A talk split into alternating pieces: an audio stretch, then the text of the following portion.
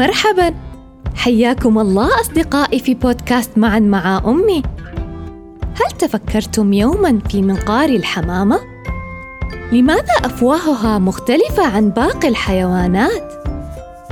لنكتشف سويا لماذا خلق الله منقار الحمامة.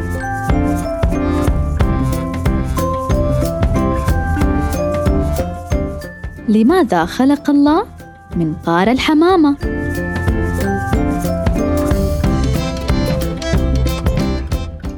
كانت الحمامة الأم جالسة على غصن الشجرة. تحتضن بيضها بحنو بالغ منتظرة أن يفقس.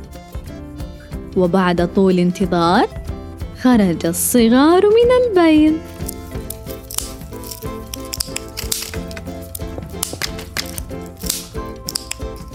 كانت فرحة الأم والأب بهم كبيرة.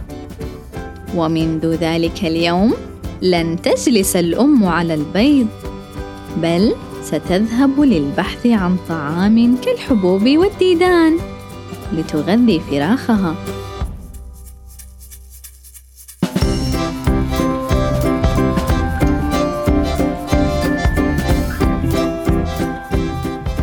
صارت الفراخ تكبر يوما بعد يوم. ولا بد لها من أن تتعلم الطيران. حتى تترك العش الذي لم يعد يتسع لها.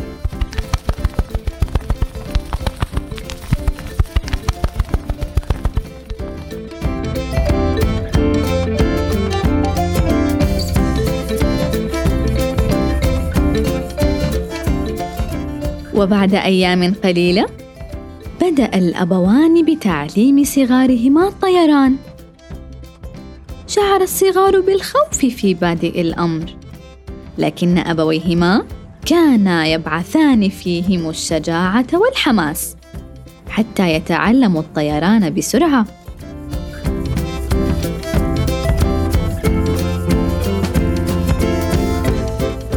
كانت الأم تجمع أولادها بعد التمارين وتعلمهم الدروس المفيدة.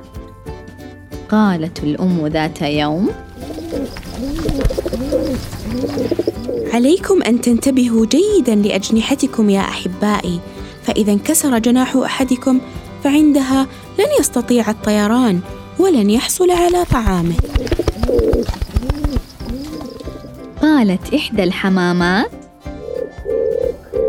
أمي العزيزة لقد خلق الله لنا الجناحين لكي نطير بهما. ولكن لماذا يختلف فمنا عن أفواه بقية الحيوانات؟ قالت الأم غدا صباحا سأجيبك عن سؤالك يا صغيرتي.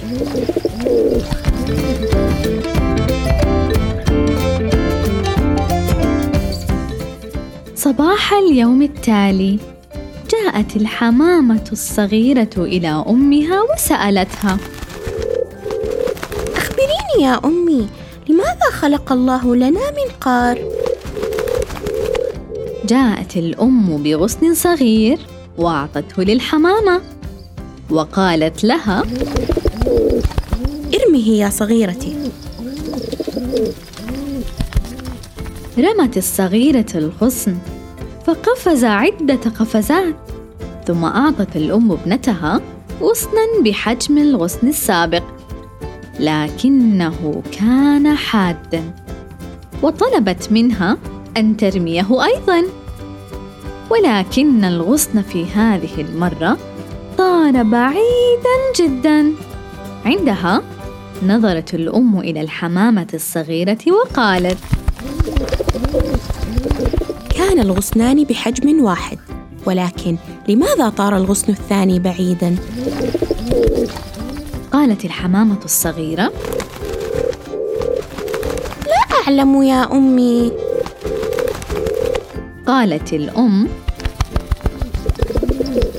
لأن الغصن الثاني كان ذا رأس حاد يسمح له باختراق الهواء بسهولة وبسرعة.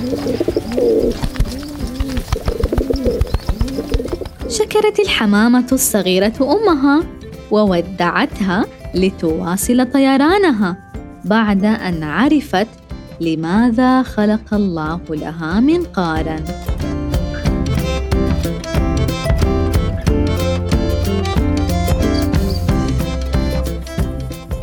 أصدقائي هل خطر على بالكم معنى كلمة منقار باللغة العربية؟